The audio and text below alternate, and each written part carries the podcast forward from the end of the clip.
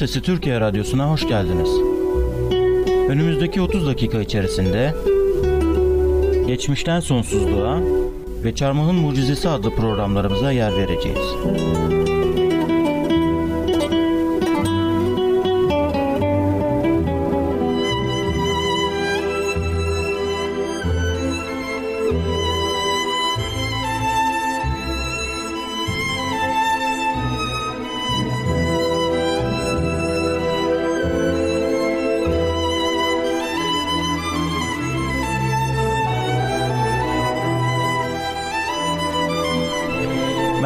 Sayın dinleyicilerimiz. Bugünkü programımıza Geçmişten Sonsuzluğa adlı konumuzla devam ediyoruz. Bahçede şeytanı mahkum eden Tanrı şöyle demişti. Seninle kadını, onun soyuyla senin soyunu birbirinize düşman edeceğim. Onun soyu senin başına ezecek.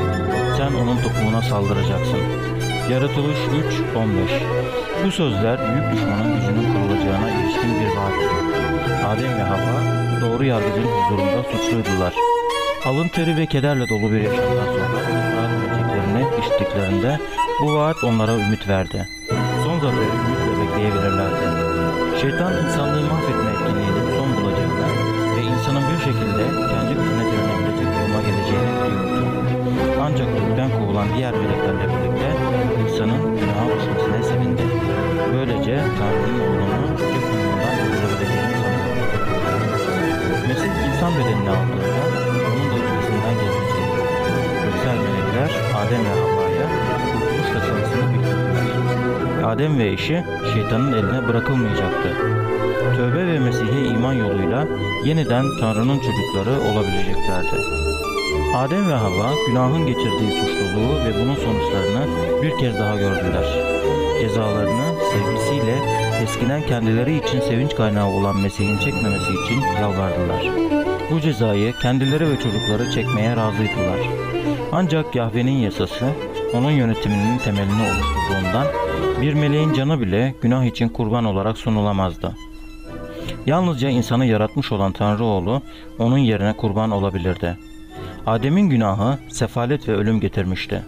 Mesih'in ölümü ise yaşam ve ölümsüzlük getirecekti.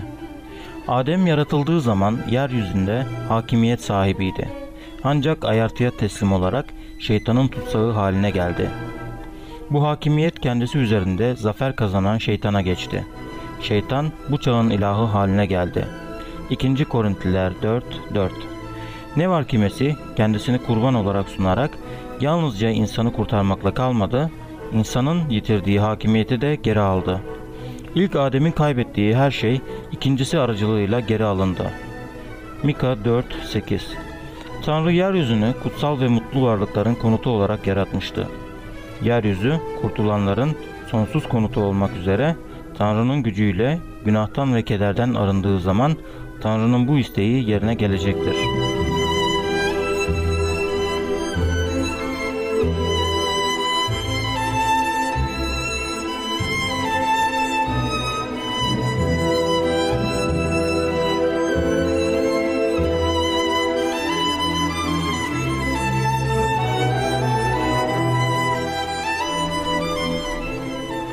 Günah Tanrı ile insanı birbirinden ayırdı. Yalnızca Mesih'in kefareti aracılığıyla bu uçurum kapanabilir. Tanrı Mesih ve melekler aracılığıyla insana ulaşmıştır. Mesih'in ölümünün tüm dünyayı kurtarmaya yeterli olacağı Adem'e gösterilmişti. Ne var ki birçokları tövbe edip söz dinleyerek yaşamak yerine günaha bağlı kalmayı seçecekti. Gelecek kuşaklarda suç oranının giderek yükseldiği görülecekti. Günahın laneti insanlık ve yeryüzü üzerinde giderek daha ağır basacaktı. İnsanın ömrü izlediği günahlı yol nedeniyle kısalacaktı. İnsan bedensel, ahlaksal ve düşünsel yönlerden bozulacak, yeryüzü sefaletle dolacaktı. Hırslı tutkular ve arzular nedeniyle insanlar kurtuluş tasarısının yüce gerçeklerini takdir edemez hale geleceklerdi. Sadece Mesih kendisine imanla yaklaşanların tüm gereksinimlerini karşılayacaktı. Tanrı bilgisini koruyarak sarsılmadan duran bir azınlık her zaman var olacaktı. Günahın tövbeyle kabullenildiğini ve beklenen Mesih'e iman edildiğini göstermek için kurban sunulması öngörüldü. Adem için ilk kurban acı verici oldu. Yalnızca Tanrı'nın verdiği bir canı almak için elini kaldırdı. Ölüme ilk kez tanık oldu. Tanrı'nın sözünü dinleseydi ölümün olmayacağını biliyordu. Kendi günahı yüzünden Tanrı oğlunun kanının döküleceği düşüncesiyle dehşete kapıldı. Böylece suçunun nedenli büyük olduğunu ve yalnızca Tanrı oğlunun ölümüyle ortadan kalkabileceğini gördü. Karanlık gelecek yürümüt yıldızıyla aydınlandı. Kurtuluş tasarısının insanın kurtuluşundan daha derin ve geniş bir anlamı vardı. Tanrı'nın yasasına yalnızca bu küçük dünyanın sakinleri saygı duymakla kalmayacak, onun karakterinin haklılığı ve doğruluğu bütün evrenin gözleri önüne serilecekti. Kurtarıcı çarmıhtan önce bunu dört gözle bekliyordu. Bu dünya şimdi yargılanıyor. Bu dünyanın egemeni şimdi dışarı atılacak. Ben yerden yukarı kaldırıldığım zaman bütün insanları kendime çekeceğim. Yuhanna 12, 31'den 32'ye kadar. İnsanlığın kurtuluşu için ölen Mesih, şeytanın isyanına karşı duran, Tanrı'nın ve onun oğlunun haklılığını gösterecek, Tanrı'nın buyruğunun saygınlığını sergileyecek, günahın doğasını ve sonuçlarını açığa vuracaktı. Başlangıçtan beri en büyük anlaşmazlık konusu Tanrı'nın buyruğuydu. Şeytan, Tanrı'nın adaletsiz, buyruğunun da kusurlu olduğunu öne sürüyordu. Tüm evrenin iyiliği için bunun değişmesi gerekliydi. Tanrı'nın buyruğuna saldıran şeytan, buyruğu veren Tanrı'nın yetkisini ortadan kaldırmak istedi.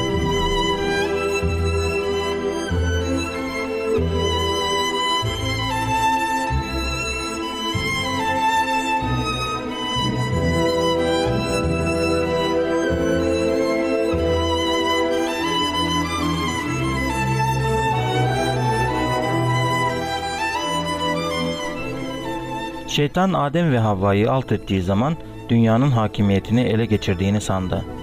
Bağışlanmalarının mümkün olmadığını, günahlı insanlığın artık kendisinin kölesi olduğunu, yeryüzünün de kendisinin eline geçtiğini öne sürdü. Ancak Tanrı günahların cezasını çekmek üzere kendi oğlunu feda etti. Böylece insanlıkla barışmayı ve onları Aden'deki yuvalarına yeniden kavuşturmayı amaçlıyordu.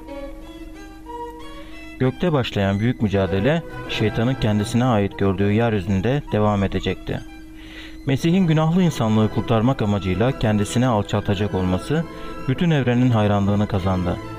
Mesih dünyamıza insan biçiminde geldiği zaman bütün evren onu yemlikten çarmıha kadar izledi. Gökler İsa'nın göğüs gerdiği hakaretlere ve alaylara tanık oldu. Bütün bunların arkasında şeytanın bulunduğunu gördüler ışık ve karanlık arasında giderek güçlenen savaşı izlediler. Mesih çarmıkta tamamlandı dediği zaman yerde ve gökte bir zafer çığlığı yükseldi. Artık büyük mücadelenin sonu belli olmuş, Mesih galip gelmişti. Mesih'in ölümü babanın ve oğlunun sevgisinin yeterliliğini gözler önüne sermişti. Şeytanın ise yalancı ve cani karakteri açığa çıkmıştı. Evren tek sesle Tanrı'nın bilgeliğini övdü. Ne var ki birçoklarının iddia ettiği gibi Tanrı'nın yasası çarmıhta geçersiz kılındıysa Tanrı'nın sevgili oğlunun acıları ve ölümü yalnızca şeytanın isteğini yerine getirmiştir. O halde kötülüğün hakimi zafer kazanmış, Tanrı'nın yönetimine ilişkin suçlamaları da desteklenmiştir. Mesih'in insan suçlarının cezasını üstlenmesi, yasanın değişmezliğiyle Tanrı'nın doğru, merhametli ve özverili olduğunu gösterir. Tanrı'nın sınırsız adaleti ve merhameti onun yönetiminde bir arada sergilenmektedir.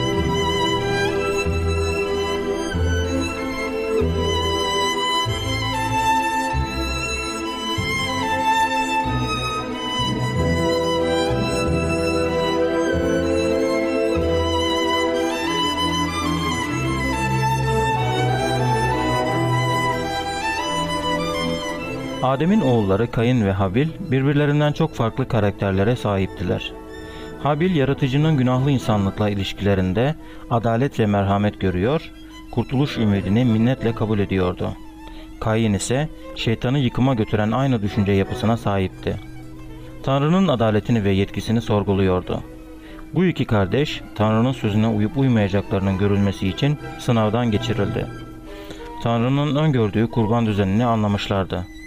Sundukları kurbanın kurtarıcıya imanlarını örneklediğini ve bağışlanmak için ona bağımlı olmanın gerekliliğini gösterdiğini biliyorlardı. Kan dökülmedikçe günahlarının bağışlanması mümkün olmayacaktı. Vaat edilen sunu olarak Mesih'in kanına duydukları inancı sürünün ilk doğanlarını kurban ederek göstermeliydiler. İki kardeş de sunak yaptılar ve her biri sunaklarını getirdi. Habil sürüden aldığı bir kurbanı sundu. Rab Habil'i ve sunusunu kabul etti. Yaratılış 4-4 Gökten ateş düşerek sunuyu yakıp tüketti. Ne var ki Kain, Rabbin dolaysız buyruğunu çiğneyerek yalnızca meyve sunusu getirdi. Bu sununun kabul edildiğine ilişkin gökten herhangi bir belirti görünmedi. Habil kardeşine rica ederek Tanrı'ya onun öngördüğü şekilde yaklaşmasını öğütledi.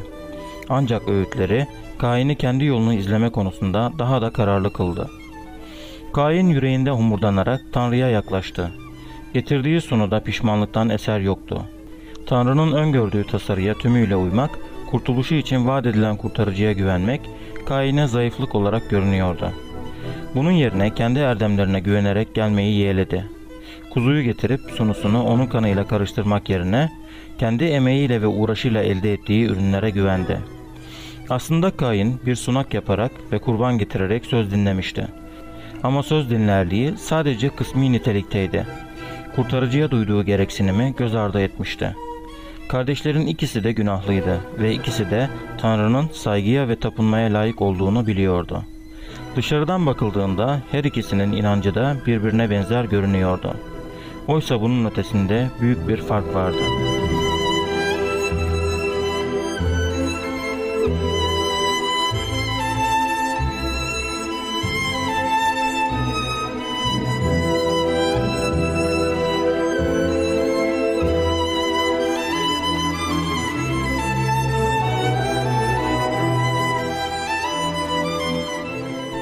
Kain ve Habil arasındaki büyük fark.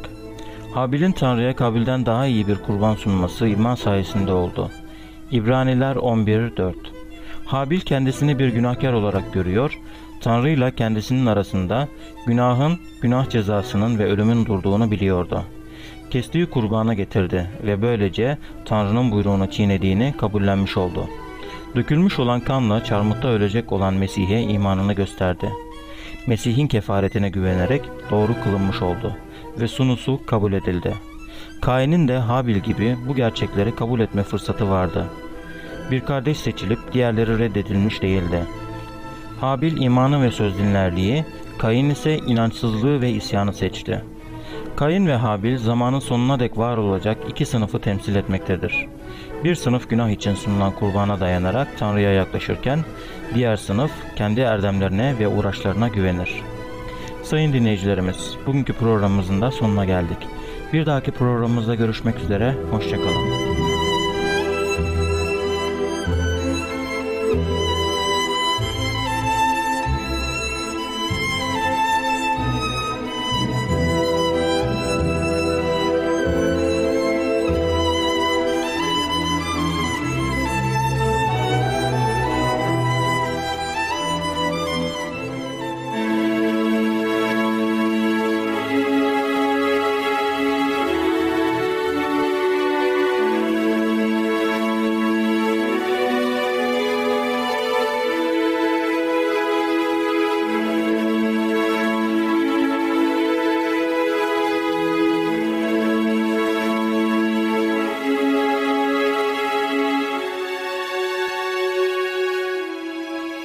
Merhaba sayın dinleyiciler. Çarmıhın Mucizesi adlı programımıza hoş geldiniz. Program yapımcınız ve sunucunuz olan ben Meral, önümüzdeki 15 dakika süresince sizlerle birlikte olacağım. 19. yüzyılın başlarında kutsal kitap birçok kaynaktan gelen acımasız saldırılara hedef olmuştu. Bunlardan en büyüğü söylemesi acı olsa da kutsal kitaba ve içindeki tarihi olaylara artık inanmamamız gerektiğini iddia eden kutsal kitap araştırmacılarından gelenlerdir.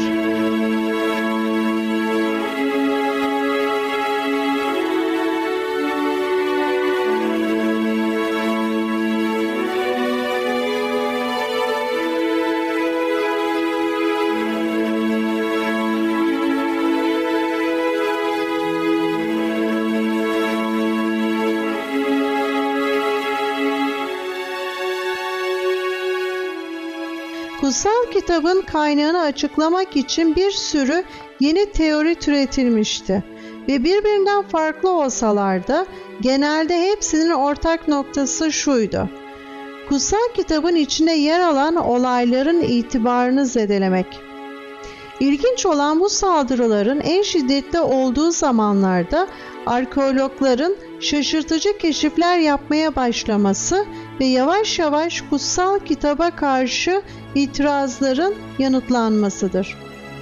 Bu programımızda bazı keşiflere ve bunların bazı itirazları nasıl yanıtladıklarına göz atacağız. İsa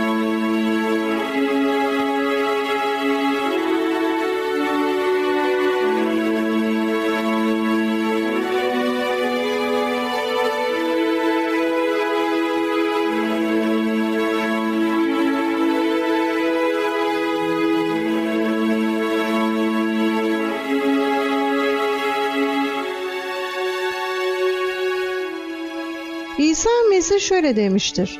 Size şunu söyleyeyim. Bunlar susacak olsa taşlar bağıracaktır. Burada İsa muhtemelen arkeolojiden söz etmiyor olsa da kastetmiş olabilir. Yıllar boyunca Rosetta taşı ve Behistun yazıtları gibi çeşitli arkeolojik keşifler kutsal kitap kaydını onaylamaya yardımcı olmuşlardır. İnsanlar bulguları yorumlarlar ve böylece sübjektif unsur her zaman ön plana çıkar. Ayrıca bazı araştırmacılar bir buluntu üzerine dini olayların aleyhinde yorum yapsa ne olur? İmanımız sarsılır mı? Arkeolojik yorumların inandığımız değerlere uyması hoş olsa da inancımız kayalara ve kitabelere değil İsa Mesih'te bizlere açıklanan vaatlere dayanmalıdır.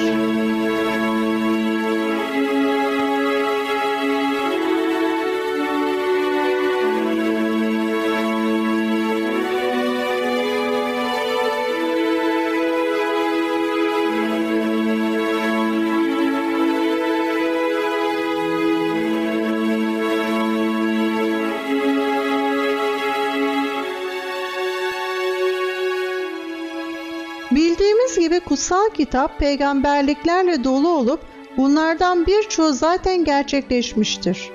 Bulunduğumuz noktadan geçmişe bakarak kutsal kitabın söylediği gibi arkeolojinin de bu peygamberliklerin gerçekleşmiş olduğunu söylediğini görmek çok heyecan verici.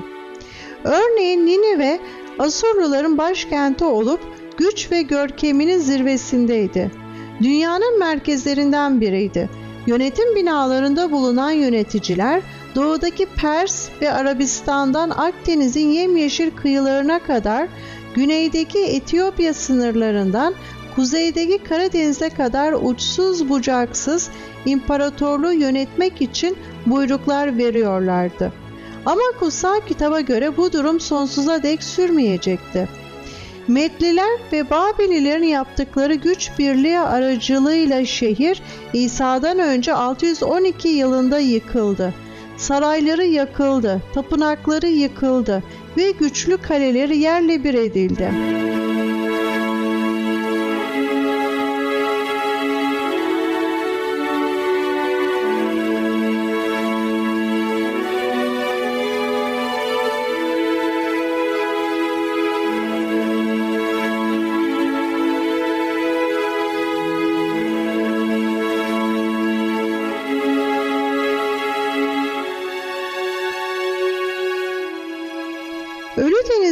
Doğusundaki küçük bir köyde Muavit taşı denilen Kral Meşa tarafından yazdırılan bir yazıt taşı bulunmuştur. Bu yazıtta tıpkı kutsal kitapta bahsedildiği gibi Muavlıların İsrail ulusu tarafından baskı gördüğü anlatılmaktadır. Bu taş şimdi Paris'teki Louvre Müzesi'ndedir. Yazıları eski İbranice'den çok az farklı olduğu için değerli bir taş olarak takdir edilmektedir. İsa'dan önce 850 yıllarında yazıldığı sanılmaktadır. Bir diğer önemli keşif de 1970'li yıllarda bir Suriye şehri olan Ebla'da bulunan Ebla tabletleridir. Bunlar yaklaşık 15 bin adetin İsa'dan 2300 yıl öncesine ait olduğu saptanan kil tabletlerden oluşan bir kütüphaneye aitti. Ebla tabletleri şu an için eski tarihin ve kutsal kitabın zemininin aydınlatılmasında çok önemli bir rol oynaması bakımından bugüne dek yeryüzüne çıkarılan diğer bütün arkeolojik keşiflerden çok daha anlamlıdır. Yıllarca böyle bir kralın olmadığı ve bu nedenle kutsal kitabın güvenilir olmadığı iddia edilmişti. Fakat 1840'lı yıllarda yapılan arkeolojik çalışmalar içinde heykel ve Asur kralı Sargon'dan bahseden yazıtlar bulunan bir sarayı ortaya çıkarmıştır. Kutsal kitap yine arkeoloji tarafından doğrulanmıştır.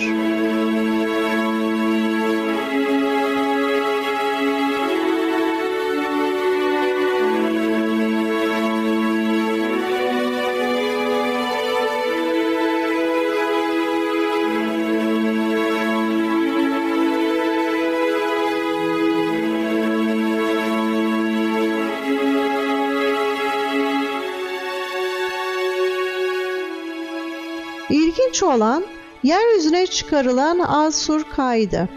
Tebet ayının 20. gününde Asur kralı Sanherib'in çıkan bir isyanda oğlu tarafından öldürülmüş olduğunu söylemektedir.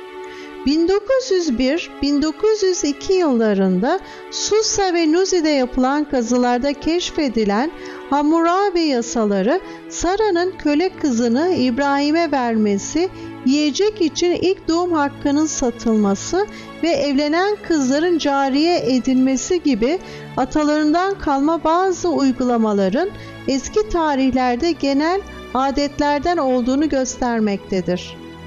1922'de Howard Carter İsa'dan önce 14. yüzyılda yaşamış olan Tutankamon'un mezarını keşfetti. Carter'ın bu keşfi Musa ve Mısır'ın hazinelerine ilişkin metni daha iyi anlamamıza yardımcı olur. Kahire Müzesi'nde teşhir edilen Tutankamon'un mezarında 1700'den fazla obje yer almaktadır. Bunlar arasında kralın saf altından yapılma maskesi, altın bir ölü kayığı, 143 değerli taş ve birçok değerli takı sayılabilir. Sadece bu lahit milyarlarca dolar değerindeki hazinesiyle gözleri kamaştırmaktadır. Bunun sadece bir firavunun mezarı olduğunu hatırlatmaya gerek var.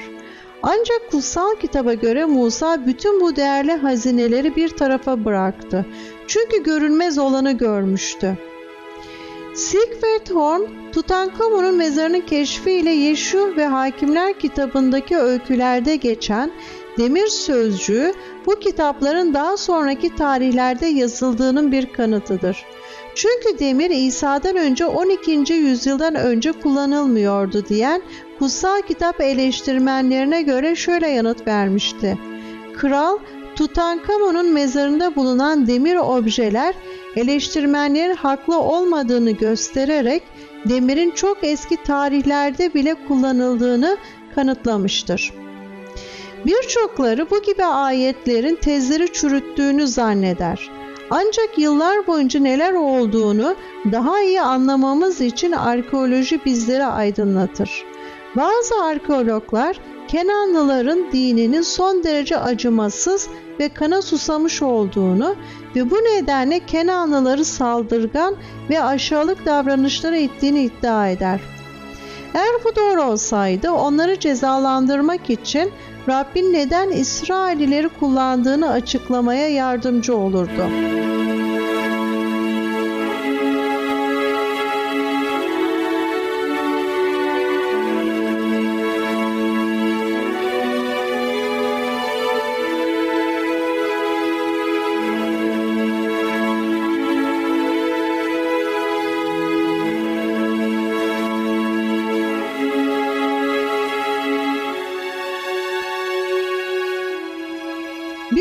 Durumda hep var olan eski yazılara karşı şüphecilik, kutsal kitaptaki yazılara karşı da var olmuştur. Birçok insan bu dünyanın eski tarihi hakkındaki dini kayıtların ve atalar, peygamberler, hakimler ve krallar hakkındaki öykülerin birçok durumda Grek ve Latin yazıları aracılığıyla bizlere ulaşan efsaneler olduğunu düşünür. 19. yüzyılın en ünlü tarihçileri ve ilahiyatçıları bile kutsal kitaptaki öykülerin doğruluğundan şüphe etmişler ve onun en şiddetli eleştirmenler arasında yer almışlardır. Bu davranış 21. yüzyılla birlikte büyük ölçü değişmiştir. Artık daha öncesine kıyasla eski aite öykülerine ve öğretilerine daha fazla saygı gösterilmektedir. Yakın doğudaki araştırmacıların sonuçları bu konuda oldukça etkili olmuştur. Eski uygarlıklar üzerine arkeolojinin sağlamış olduğu aydınlanmanın ışığında eski ahit sadece tarihi olarak güvenilir olmakla kalmayıp aynı zamanda eski dünyanın en iyi ürünleriyle kıyaslandığında kapsam, güç ve yüksek idealler bağlamında rakipsiz kalmaktadır. Evet sayın dinleyiciler bir programımızın daha sonuna geldik. Yeni bir programda görüşmek dileğiyle şimdilik hoşçakalın.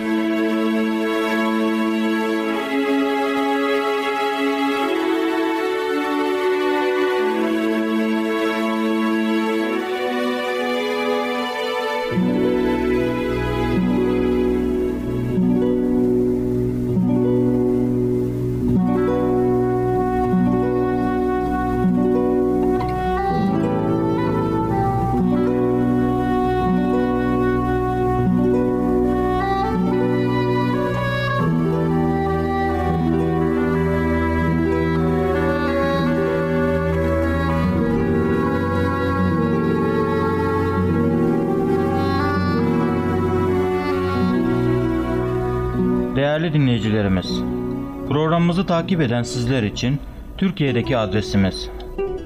Anadolu'dan programı Posta Kutusu 14 35440 İskele Urla İzmir.